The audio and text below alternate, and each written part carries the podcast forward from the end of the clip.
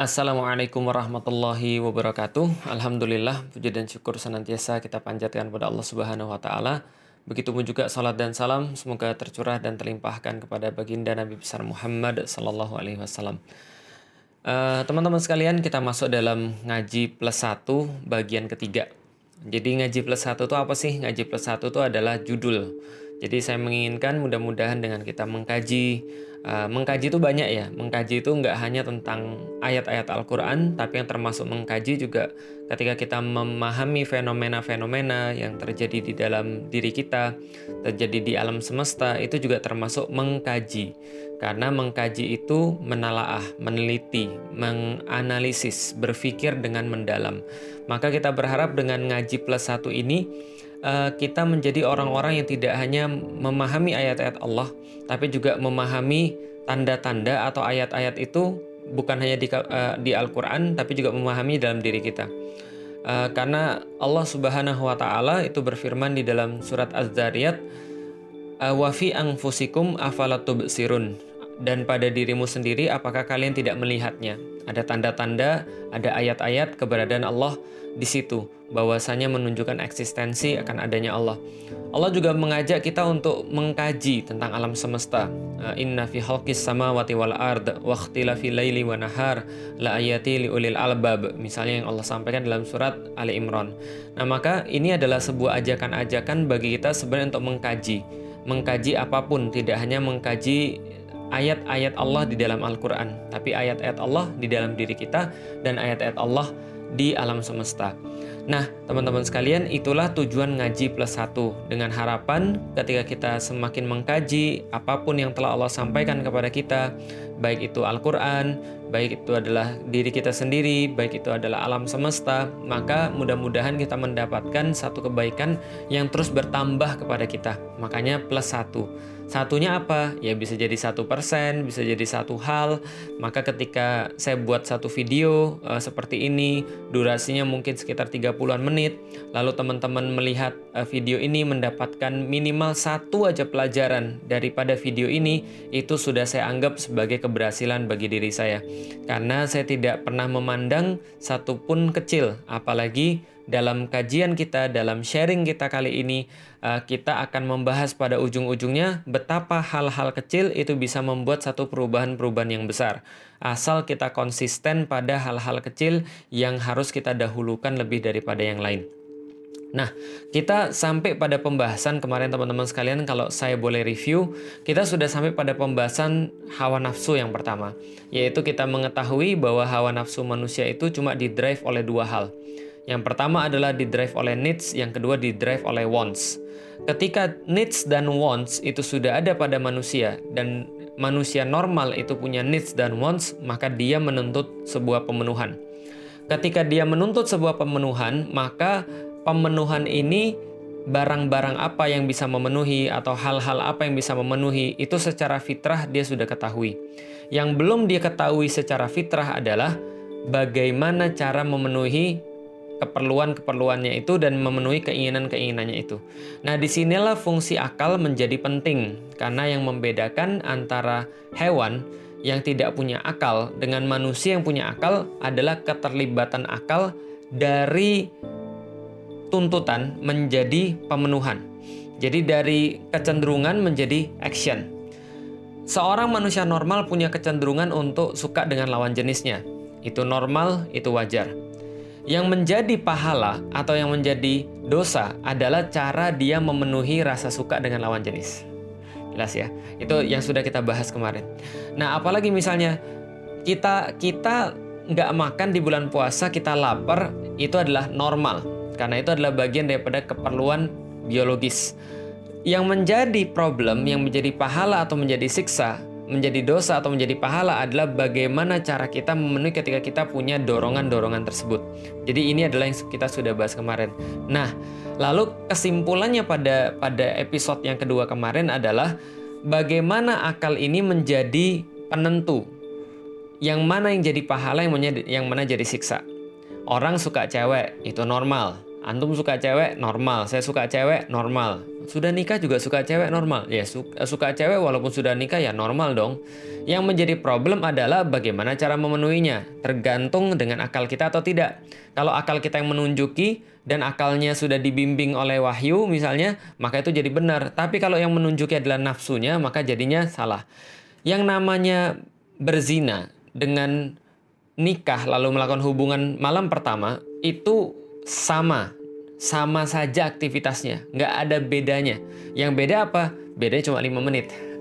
Lima menit apa? Mengucapkan saya terima nikahnya ini binti ini uh, kepada saya dengan mas kawin. Sekian. Lima menit mengubah antara dosa dan pahala.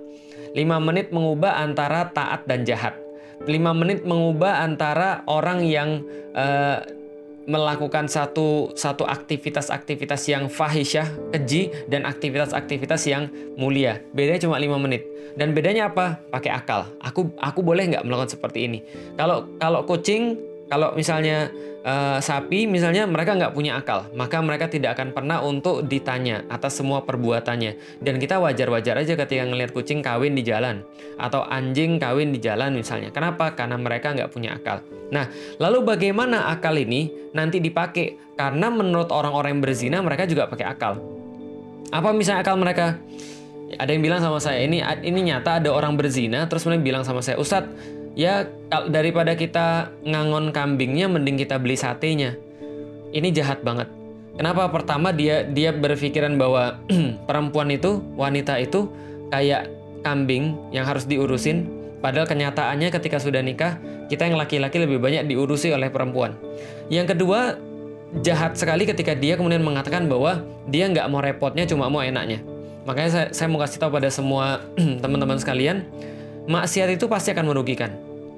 Maksiat itu pasti akan merugikan. Cuman kita nggak tahu aja.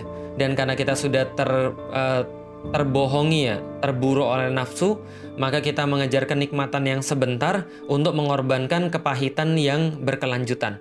Nah, padahal ini adalah sesuatu yang sangat parah sekali. Dia ngomong begitu, Ustadz daripada kita ngangon kambingnya mendingan kita beli satenya saja. Lebih enak berzina, itu kayaknya mikir, tapi mikirnya salah. Nah, bagaimana kemudian pemikiran ini bisa menentukan orang berbuat? Karena ingat dari awal kita membahas tentang ngaji plus satu yang merupakan uh, pendahuluan sebelum saya membahas satu buku yang saya tulis judulnya Beyond the Inspiration ini, maka tujuan kita untuk membahas ini adalah mengerti bagaimana cara manusia itu melakukan sesuatu mengerti kenapa manusia memutuskan sesuatu. Yang pada akhirnya ketika teman-teman sudah mengerti, teman-teman bisa menggunakan pengertian itu untuk bisa mencapai kehidupan yang terbaik. Berubah ke arah yang lebih baik, lalu kemudian menjadi manusia yang lebih apik dan segala macamnya. Maka ini tujuan kita, pengen berubah semua yang saya sampaikan bukan hanya sekedar level pengetahuan. Tapi yang saya inginkan adalah teman-teman bisa menggunakan pengetahuan ini untuk memaksimalkan diri kita. Untuk menjadi manusia yang lebih baik. Biar nggak gini-gini aja. Gitu kan ya. Oke, masuk lagi. Nah kalau gitu, tidak semua pemikiran itu bisa membuat orang melakukan. Maka coba kita lihat. Kita di awal-awal sudah bahas tentang referensi. Bahwa referensi itu sangat berpengaruh dalam uh, perbuatan seseorang minimal kalau kita bahas secara uh, marketing, maka apa yang muncul ke dalam top of mind seseorang. Jadi top of mind, referensi top of mind seseorang itu tergantung berapa banyak dia mendengar sesuatu. Misal, mau makan apa buka puasa ini, maka yang menjadi apa list teratas di kepala Anda itu bisa jadi adalah apa pun yang sering Anda lihat atau ataupun apa pun yang Anda Anda tahu dan belakangan ini kepikiran. Itu juga memasukkan diri dalam top of mind, list yang bakal muncul di kepala kita. Contoh lagi misalnya, bagaimana cara kita untuk menikah? Maka yang muncul listnya adalah ya orang-orang yang kita tahu atau siapa menikah, dengan siapa kita menikah, dengan cara apa? Ya listnya itu adalah yang sering kita pikirin. Nah itu adalah salah satu yang namanya kekuatan referensi. Tapi kekuatan referensi ini tidak hanya mempengaruhi top of mind, list yang akan muncul dalam kepala kita, tapi juga mempengaruhi bagaimana cara kita berpikir. Sehingga ketika kita sudah berpikir dengan referensi-referensi yang ada dan sudah menghasilkan pada satu titik, maka dia berubah dari mikir menjadi paham. Makanya orang bilang kalau ngajarin bukan lagi gini, kamu mikir belum? Bukan. Karena kalau mikir itu prosesnya. Hasil daripada pemikiran itu adalah pemahaman. Jadi kalau proses untuk mengolah referensi, proses untuk mengelola informasi namanya berpikir. Hasilnya adalah pemikiran.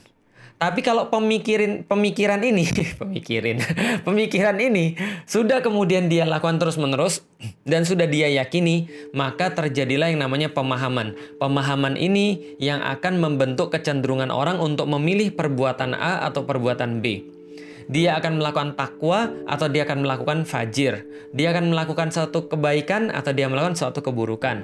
Dia melakukan satu ketaatan atau dia melakukan suatu kemaksiatan. Ini semua tergantung yang namanya pemahaman. Maka sebelum kita mengetahui pemahaman, kita harus tahu dulu bagaimana referensi itu bisa terproses jadi sebuah pemikiran. Saya sudah nyinggung di tempat yang lalu-lalu, episode yang lalu-lalu, saya cuma ulangi sedikit saja. Orang semakin banyak referensi tentang satu hal, maka hasil pemikirannya itu akan tergantung dengan referensi tersebut. Maka wajar saja di masa misalnya contoh, uh, sorry agak mundur ke belakang dan sorry kalau sana ini nggak berkenan teman-teman sekalian, tapi ini sebuah contoh saja. Contoh orang yang ketika di, zam di zamannya pilpres nontonin uh, TV tertentu, taruhlah TV K misalnya, dengan TV O misalnya, antara satu TV dan TV yang lainnya, antara satu media dan media yang lainnya, tentu saja mereka berpikir dengan cara yang berbeda. Kenapa? Karena ada perbedaan informasi yang ada di situ. Di sini informasinya begini, di sini informasinya begini. Padahal satu fakta yang sama, tapi dihadirkan dengan informasi yang berbeda. Ketika masuk ke dalam orang, cara pikirnya juga berbeda. Maka orang-orang tertentu akan mikir dengan cara tertentu. Misal, orang-orang pendidikan ketika ditanya apa problematika terbesar daripada kehidupan manusia, dia akan bilang problematika terbesar adalah pendidikan. Karena tanpa pendidikan orang nggak bakal bisa maju. Maka kalau ditanya sama orang pertanian bisa jadi jawabannya berbeda. Problem terbesar adalah pertanian. Karena kalau seandainya pertanian nggak ada, orang nggak bisa makan, maka dia nggak bisa mikir dan dia nggak bisa sekolah. Maka dia nggak bisa pendidikan. Tapi kalau ditanya sama orang agama, maka orang agama akan akan akan akan jawab problem terbesar umat manusia adalah akidah. Karena percuma dia bisa makan, percuma dia pendidikan kalau akidahnya salah. Nah, itu kan itu kan tergantung kemudian referensi dia, tergantung informasi dia. Seperti apa dia melihat satu problematika, seperti apa dia melihat satu masalah, maka itu tergantung referensinya dia.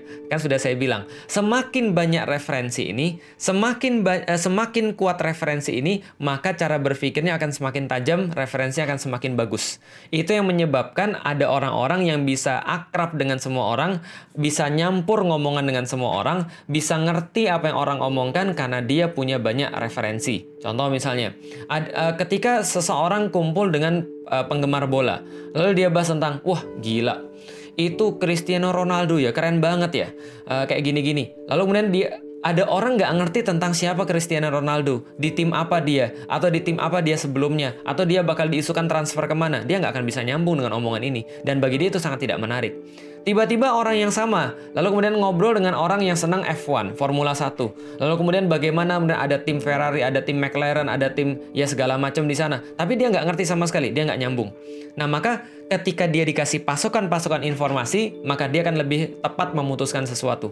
Nah, jadi ini fungsi referensi dalam menghasilkan sebuah pemikiran. Jadi, pemikiran seseorang itu sebenarnya tidak akan pernah mencapai satu level yang levelnya itu bagus sebelum dia mengumpulkan referensi-referensi terlebih dahulu. Maka kebiasaan saya sebelum ngapain-ngapain aja, saya pengen ngisi di satu tempat nih. Saya akan cari tahu ini yang menjadi audiens saya siapa Lalu saya akan menyampaikan materi tentang apa. Lalu apa yang mereka inginkan dengan materi ini. Lalu seperti apa yang saya inginkan secara pribadi. Maka setelah mengetahui, saya cari tahu banyak hal, termasuk siapa pun yang menjadi uh, yang harus saya kenal dan segala macamnya. Maka setiap referensi-referensi itu membentuk cara berpikir saya. Semakin banyak referensi, semakin tepat referensi, maka semakin bagus cara saya berpikir. Maka ini penting banget sekali lagi. Jangan follow yang merusak referensi-referensi Anda. Jangan pernah kita memfitnah diri sendiri dengan cara memasukkan referensi-referensi buruk ke dalam diri kita secara sadar. Karena referensi mas karena memasukkan referensi itu terjadi secara sadar. Tapi setelah referensi masuk, cara dia membentuk pemikiran kita itu terjadi secara otomatis. Terjadi secara begitu saja. Terjadi secara sendirinya. Kita nggak lagi ikut-ikutan di situ. Seperti kita makan, apa yang kita makan itu otomat sorry, yang kita makan itu kita pilih. Kita mau makan sayur, kita mau makan serat, kita mau makan karbohidrat, kita mau makan lemak, kita mau makan protein, kita mau makan junk food, itu semua kita pilih. Tapi setelah kita masukkan dalam tubuh kita, di processingnya secara otomatis. Kepala kita juga sama, dia processing referensi terjadi secara otomatis. Dan jangan sampai kita masukin informasi yang justru merusak apa pun yang menjadi yang kita inginkan daripada hasil pemikiran kita. Itu referensi jadi pemikiran. Kesimpulannya jelas, jangan masukin referensi-referensi negatif. Dan saya sudah duga pasti ada yang nanya, Ustaz, tapi gimana kalau saya kita follow orang-orang karena kita senang aja supaya ada cross referensi dari dunia yang lain? Ya tergantung keperluan Anda. Kalau saya secara pribadi, saya harus memahami orang-orang yang saya dakwai. Maka kalau orang-orang yang saya dakwai adalah aktivitasnya masih sesuatu yang tidak ideal atau tidak islami, ya saya follow nggak ada masalah. Kenapa? Karena saya tahu apa yang saya inginkan. Tapi kalau Anda masih dalam proses belajar, Anda masih dalam proses untuk berubah, lalu Anda tetap follow yang kayak gitu-gitu, ya ini menjadi problem yang besar. Tapi gimana saat nggak enak kalau unfollow? Kan ada fasilitas mode. Ada fasilitas kemudian untuk restrict dan segala macamnya di, di Instagram misalnya. Ini penting banget. Kenapa? Anda harus stop memasukkan referensi-referensi yang buruk dan itu bisa membuat pemikiran Anda jadi buruk kalau saya Anda tidak stop. Kalau Anda tidak stop memasukkan referensi-referensi itu, maka pemikiran Anda tidak akan pernah menjadi baik. Kenapa? Karena hasil pemikiran tergantung itu. Nah, pemikiran ini ketika dia di-enhance dengan ilmu dan bukti, maka jadilah dia pemahaman. Jadi jelas ya, referensi menjadikan yang namanya pemikiran. Pemikiran ini kalau diperkuat dengan ilmu dan bukti, maka jadilah dia sebagai sebuah pemahaman. Dan ilmu, bukti, ya ini juga bagian daripada referensi. Tapi bedanya apa? Ya ilmu itu adalah kesesuaian antara fakta dan teori. Itu bisa dikatakan begitu. Atau ilmu itu adalah sesuatu yang bisa menghantarkan kita pada keyakinan. Itu adalah sama ilmu juga. Bukti itu apa? Ya bukti itu juga bagian daripada ilmu sebenarnya. Ya kalau untuk gampangnya kita pakai bahasa Indonesia sajalah. Pemikiran yang diyakini namanya pemahaman. Gimana biar pemikiran ini bisa diyakini? Dia harus ada ilmunya, dia harus ada buktinya. Baru pemikiran itu bisa diyakini. Contoh, secara pembelian saja. Ini contoh ya, kalau teman-teman punya toko online, teman-teman punya barang-barang yang mau dijual atau apa pun lah, uh, teman-teman harus tahu ketika diteliti, kenapa orang bisa membeli sesuatu, orang bisa membeli sesuatu, memutuskan bisa membeli sesuatu. Itu pertama karena logika. Yang kedua karena emosional. Itu secara singkat.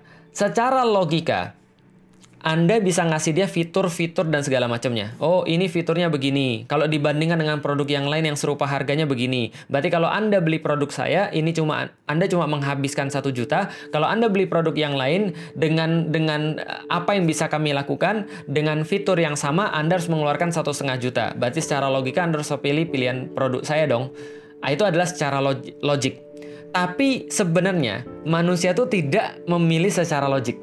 Tapi manusia memilih secara emosional lebih banyak. Kenapa? Contoh, oke ini produk ini adalah satu juta dengan fitur yang sama, seperti produk yang ini harganya satu setengah juta dengan dengan fitur yang sama, beda 500 ribu. Berarti harusnya secara logika Anda pilih yang ini. Tapi tetap aja Anda pilih yang sebelah sini yang satu setengah juta dengan fitur yang sama. Kenapa? Karena mereknya lebih bergengsi. Karena Ustadz Felix juga pakai produk itu. Karena teman saya juga pakai produk itu. Itu emosional. Itu tidak logik, tapi emosional. Dan manusia memang memilih berdasarkan itu. Dan itulah dikatakan ilmu dan bukti. Semakin orang mengilmui tentang sesuatu, dia mendapati hal-hal yang mengantarkan dia kepada keyakinan, maka semakin dekat dia ke arah keputusan untuk memilih di situ. Apabila, apabila dia dikuatkan dengan bukti-bukti lagi, cross reference, dia dikuatkan dengan kemudian endorse daripada temannya, dia dikuatkan dari endorse daripada orang yang dia uh, sukai, orang yang dia idolakan misalnya, maka semakin dekat lagi dia untuk memilih perbuatan itu tadi atau action itu tadi. Dalam hal memilih produk, maka ilmu dan bukti akan menjadikan dia memilih sesuatu itu setelah dia kepikiran untuk sesuatu. Oke, dari awal. Ada orang mau hijrah. Maka ketika dia mau hijrah, awal-awalnya dia pasti akan cari referensi dulu dong. Siapa sih orang-orang hijrah? Oh, orang-orang hijrah tuh kayak kayak misalnya kayak Felix Xiao. Ah, nggak mau ah. Kenapa? Radikal ketika dia mendapatkan referensi bahwa Felixio radikal, sebagaimana yang diinginkan oleh media-media mainstream. Saya nggak mau, saya nggak mau jadi mualaf. Kenapa? Nanti jadi mu'alaf tuh kayak Felix Xiao. Jadi membenci Pancasila, jadi ingin mengganti negara, jadi mengatakan orang lain kafir semua. Menganggap bahwa pemerintah tuh togut. Lalu kemudian menganggap bahwa muslim yang nggak sama dengan dia itu adalah kafir dan segala macamnya. Dia intoleran, dia dia nggak pernah menghormati pendapat orang lain. Kalau itu yang dia dapat, maka wajar kalau dia nggak mau jadi kayak saya. Jadi saya nggak pernah menyalahkan orang-orang yang ketika dia termakan media mainstream, lalu nggak pernah kenal dengan saya seutuhnya, lalu kemudian menuduh saya dengan dengan tuduhan macam-macam. Saya sudah hafal, nggak ada masalah. Kenapa? Informasi dia yang salah. Yang saya salahkan diri saya sendiri kenapa saya tidak pernah untuk mengantarkan informasi yang benar tentang saya sehingga dia tahu tentang saya yang seharusnya sehingga dia bisa berubah. Pada intinya adalah taruhlah ada orang mau hijrah misalnya, dia mau berubah jadi yang lebih baik, maka dia akan cari referensi dulu. Lalu dia ketemu, oh referensi ada, oh orang yang hijrah tuh ada kayak misalnya ini ya, ada kayak Ustadz Hanan Ataki misalnya. Oh ternyata nggak segitunya ya. Ternyata ternyata lebih lembut ya orang-orang hijrah tuh nggak serta merta ngejudge orang lain ya, nggak serta merta jadi radikal ya, nggak serta merta kayak Felix Xiao ya misalnya taruhlah, nggak ada masalah, alhamdulillah. Berarti dia mendapatkan referensi yang lain yang membuat dia bisa untuk berubah, yang membuat dia yakin untuk memilih satu hal. Untuk untuk untuk uh, lebih mencari tahu tentang satu hal. Itu referensi. Maka referensi-referensi yang beredar di sosial media tentang Islam dan bagaimana orang melihatnya tentang kemudian dakwah dan bagaimana orang melihatnya itu berantem satu sama lain. Jadi teman-teman perlu sadar ketika anda main di sosial media ketika anda dakwah di sosial media itu adalah war zone. Itu adalah itu adalah tempat perang itu adalah sebuah battle. Itu adalah sebuah tempat untuk saling beradu informasi. Cuma yang perang bukan tentara, yang perang itu adalah informasi. Maka ketika mereka mengendalikan mainstream media, yang pasti mereka masukkan adalah Islam itu ekstrim, Islam itu tidak toleran, Islam itu bunuh orang. Maka setiap kata-kata jihad itu di framing dengan sesuatu yang buruk ada orang ngebom bunuh diri. Lalu kemudian media mengumumkan this jihad, this crusade, eh, sorry, this jihad. Ini adalah sebuah jihad. Lalu apalagi ada orang-orang yang ganas di foto, lalu kemudian ditampilkan. ISIS diulang-ulang terus. Padahal selalu saya bilang ISIS itu paling cuma berapa jumlahnya? Cuma taruhlah ratusan ribu. Tapi ada miliaran muslim yang lain yang mereka menampakkan dengan kasih sayang, mereka menampakkan tidak setuju dengan ISIS, tapi kenapa tidak pernah disorot? Kenapa? Karena mereka perlu mengendalikan referensi. Ingat ya, jadi teman-teman yang sekarang berada di sosial media harus tahu penting sekali referensi ini. Maka ketika kita menampilkan keislaman kita dengan cara tertentu yang sudah sesuai dengan uh, dengan arahan-arahan ulama dan sesuai dengan fikih Islam, sesuai dengan memang keislaman itu sendiri, ini adalah bagian daripada perang informasi perang referensi. Karena referensi-referensi ini nanti akan menentukan orang akan respect atau tidak dengan Islam. Yang nanti akan menentukan dia mau cari tahu lebih banyak atau tidak dengan Islam. Setelah taruhlah dia dapat referensi-referensi yang bagus, bukan referensi-referensi yang buruk, maka dia akan cari lagi ilmu dan bukti. Dia mulai mempelajari, mulai mengilmui Islam, menanyakan tentang bagaimana Islam itu memandang perempuan, bagaimana Islam itu memandang uh, perang, apakah betul Islam itu disebarkan dengan pedang, apakah Islam itu betul adalah agama yang jahat dan seterusnya. Kayak saya, ketika saya sudah mulai dapat referensi-referensi yang bagus, dulu ketika di Palembang saya nggak dapat referensi-referensi itu. Bagi saya Islam tuh kejam, bagi saya Islam tuh jahat, bagi saya Islam tuh tidak tidak taat dengan waktu, bagi saya Islam itu kotor, bagi saya Islam itu seenak-enaknya sendiri. Ketika saya masuk ke Bogor, saya mendapatkan referensi Islam yang benar. Saya melihat Islam tuh ternyata keren, Islam punya solusi terhadap banyak hal, Islam tuh punya keseluruhan aturan dan segala macamnya. Ketika ada yang mengantarkan referensi itu pada saya, saya mulai cari tahu lebih banyak. Saya cari tahu dong bagaimana aturan-aturan Islam dalam pengaturan perempuan, bagaimana Islam mengatur keluarga, bagaimana Islam mengatur politik, mengatur ekonomi, mengatur pemerintahan, dan seterusnya. Saya cari dong mengilmui semuanya. Lalu kemudian saya tanya pada teman-teman yang lain, bukti-bukti yang harus saya dapat bukti-bukti yang bisa saya lihat. Oh, ternyata betul. Ini ada orang sebelum dia berhijrah. Lantas dia kemudian orangnya parah. Setelah dia berhijrah, dia bisa jadi lebih baik pada orang tuanya. Dia lebih baik pada keluarganya. Ada keluarga yang dulunya mau cerai, tapi ketika dua-duanya mau untuk belajar tentang hukum Allah, mau belajar tentang agama, mereka kemudian punya rumah tangga yang baik karena mindsetnya sudah berubah ada bukti-bukti yang bisa dihadirkan pada saya. Maka semakin banyak bukti dan semakin banyak ilmu, maka saya semakin yakin ujung-ujungnya action yang saya pilih adalah apa? Action yang saya pilih adalah saya mau masuk Islam. Saya mau hijrah kalau orang-orang zaman sekarang, kalau orang-orang sudah muslim. Ini adalah bagian daripada pemahaman. Jadi pemahaman adalah ilmu yang diyakini. Maaf, Pemahaman adalah pemikiran yang diyakini. Kenapa pemikiran ini bisa diyakini? Karena sudah di-enhance, karena sudah diperkuat dengan ilmu dan bukti. Di situlah gunanya para pendakwah. Para pendakwah sebenarnya cuma Bashir wa Nazir, kata Rasulullah. Kalian para pendakwah tidak pernah dibebankan oleh Allah untuk bisa menunjuki seseorang, untuk bisa membuat seseorang tuh hijrah, untuk membuat seseorang tuh masuk Islam. Nggak pernah untuk dibebankan begitu sama Allah. Kalian para pendakwah, Rasulullah sampaikan kepada kita semua, cuma ditugaskan untuk memberikan basyir wan nadir, memberikan kabar gembira dan memberikan peringatan, memberikan ilmu pada manusia. Ini loh Islam, kerennya Islam tuh kayak gini loh. Lihat aku sudah berubah, nih buktinya dan segala macamnya. Itu tugas para pendakwah. Dan masalahnya pendakwah ini nggak cuma pendakwah muslim, tapi ada pendakwa-pendakwa yang pengen orang juga jadi jahat. Bahkan dia tidak sadar bahwa dia sebenarnya ngajak kejahatan. Maka orang-orang yang nggak suka sama Islam, orang-orang yang pengen ngajak manusia jadi sekuler, itu juga dakwah. Bagaimana cara dakwah mereka? Mereka juga seolah-olah ngasih ilmu. Mereka juga seolah-olah ngasih bukti. Oh, nggak perlu islami. Lihat coba lihat negara-negara yang lain. Coba lihat Amerika, coba lihat Inggris, itu negara maju dan mereka nggak perlu syariat Islam, nah itu dakwah mereka, gitu kan ya, seolah-olah benar, seolah-olah terbukti. Apalagi mereka bilang, coba lihat tuh ada orang-orang hijrah, tetap aja cerai. Kata-kata Felix Xiao, pacaran tuh nggak uh, nggak boleh, pacaran tuh nggak penting. Terus gimana kita bisa dapat istri yang baik, kayak beri kucing dalam karung dong? Mereka meniup-niupkan yang namanya ilmu, padahal itu adalah meniupkan sesuatu yang buruk, yang akhirnya membuat orang tidak mau taat dengan Allah. Apalagi misalnya, ya sekarang yang lagi rame ketika banyak orang kemudian mengatakan, oh jilbab itu tidak wajib.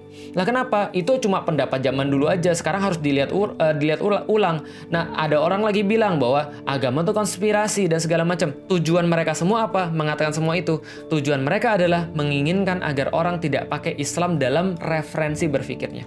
Orang tidak pakai Islam dalam penentuan cara dia memilih satu aktivitas atau memilih satu action. Sedangkan orang-orang yang berdakwah di jalan Allah, dia bisa berdakwah dengan cara apa pun, dia bisa berdakwah dengan metode apa pun, dengan cara yang gaul kayak, dengan cara ngisi kitab lah, atau misalnya dengan cara misalnya untuk menampilkan diri kayak dakwah bilhal dengan perbuatan sendiri, ataupun dengan sosial dan segala macamnya. Pada ujungnya dia pengen menunjukkan satu hal.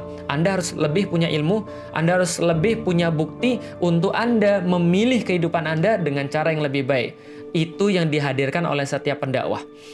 Mau dia mendakwakan satu kebaikan atau dia mendakwakan satu keburukan, tapi prosesnya sama. Prosesnya adalah mengantarkan manusia dengan referensi-referensi tertentu untuk memikirkan sesuatu dan ketika dia sudah kepikiran sesuatu, menguatkan dengan bukti, menguatkan dengan ilmu agar itu jadi sebuah pemahaman. Ketika sudah terjadi sebuah pemahaman, maka kecenderungan yang muncul dari needs dan wants tadi akan ketemu dengan pemahaman, setelah itu dia akan jadi perbuatan yang baik. Mudah kan ya? Makanya Itulah gunanya dakwah. Dan itulah kenapa orang-orang nggak senang dengan Islam juga berdakwah dengan pemikiran-pemikiran, dengan kampanye-kampanye mereka, dan mereka sangat masif sekali.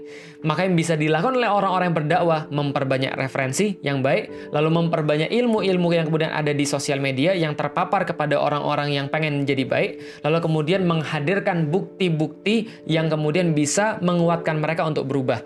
Alhamdulillah, Islam adalah agama yang sangat-sangat terbukti. Islam tuh sangat-sangat menyuruh orang untuk memikir agar mendapatkan bukti. Dalam hal keislaman saja Allah katakan, "Wa in kuntum fi raibi mimman nazzalna ala abdina fa'tu bi surati mimithli." Dan bila kalian tetap dalam keraguan dengan apa yang kami datangkan terhadap hamba kami Muhammad, maka datangkanlah satu surat yang semacamnya. Buktiin kalau Anda hebat. Tapi kalau Anda nggak bisa, ini harusnya menjadi bukti bagi Anda bahwa ini datang daripada Allah Subhanahu wa taala. Kalau Anda mendapati Al-Qur'an ini adalah buatan manusia, pasti akan banyak pertentangan di dalamnya. Tapi kalian lihat nggak ada pertentangan di dalamnya. Islam adalah agama bukti. Islam menghadirkan bukti-bukti untuk membuat orang jadi beriman dan memilih syariatnya. Maka Allah senantiasa berkata di dalam Al-Qur'an, "Hatu burhanakum." Datangkan pada kami bukti-bukti daripada Anda. Kalau Anda memang termasuk orang-orang yang benar, datengin bukti. Kenapa? Karena Allah bilang, kami sudah kasih bukti. Kami sudah kasih bukti pada pemikiran Anda. Kalau Anda tidak memahami, berarti Anda yang salah, bukan kami. Tapi kalau misalnya Anda merasa hebat, datengin bukti-buktinya. Dakwah adalah tentang peperangan informasi, referensi, ilmu, bukti, hingga orang memilih kebaikan dan tidak memilih keburukan. Ini pembahasan kita pada hari ini teman-teman sekalian. Insya Allah nanti kita akan lanjut di waktu yang berikutnya. Makasih banget. Kalau ada yang salah pasti dari manusia, ada yang buruk, ada yang baik hanya berasal daripada Allah. Mudah-mudahan kita termasuk orang-orang yang kalau mendapatkan manfaat daripada materi ini bisa membagikan pada yang lain, share pada yang lain karena share kita adalah amal jariah kita, amal jariah saya juga alhamdulillah dan tidak mengurangi antum dan kebaikan-kebaikan buat yang lain juga. Bilahi taufik wal hidayah wa minkum. Assalamualaikum warahmatullahi wabarakatuh.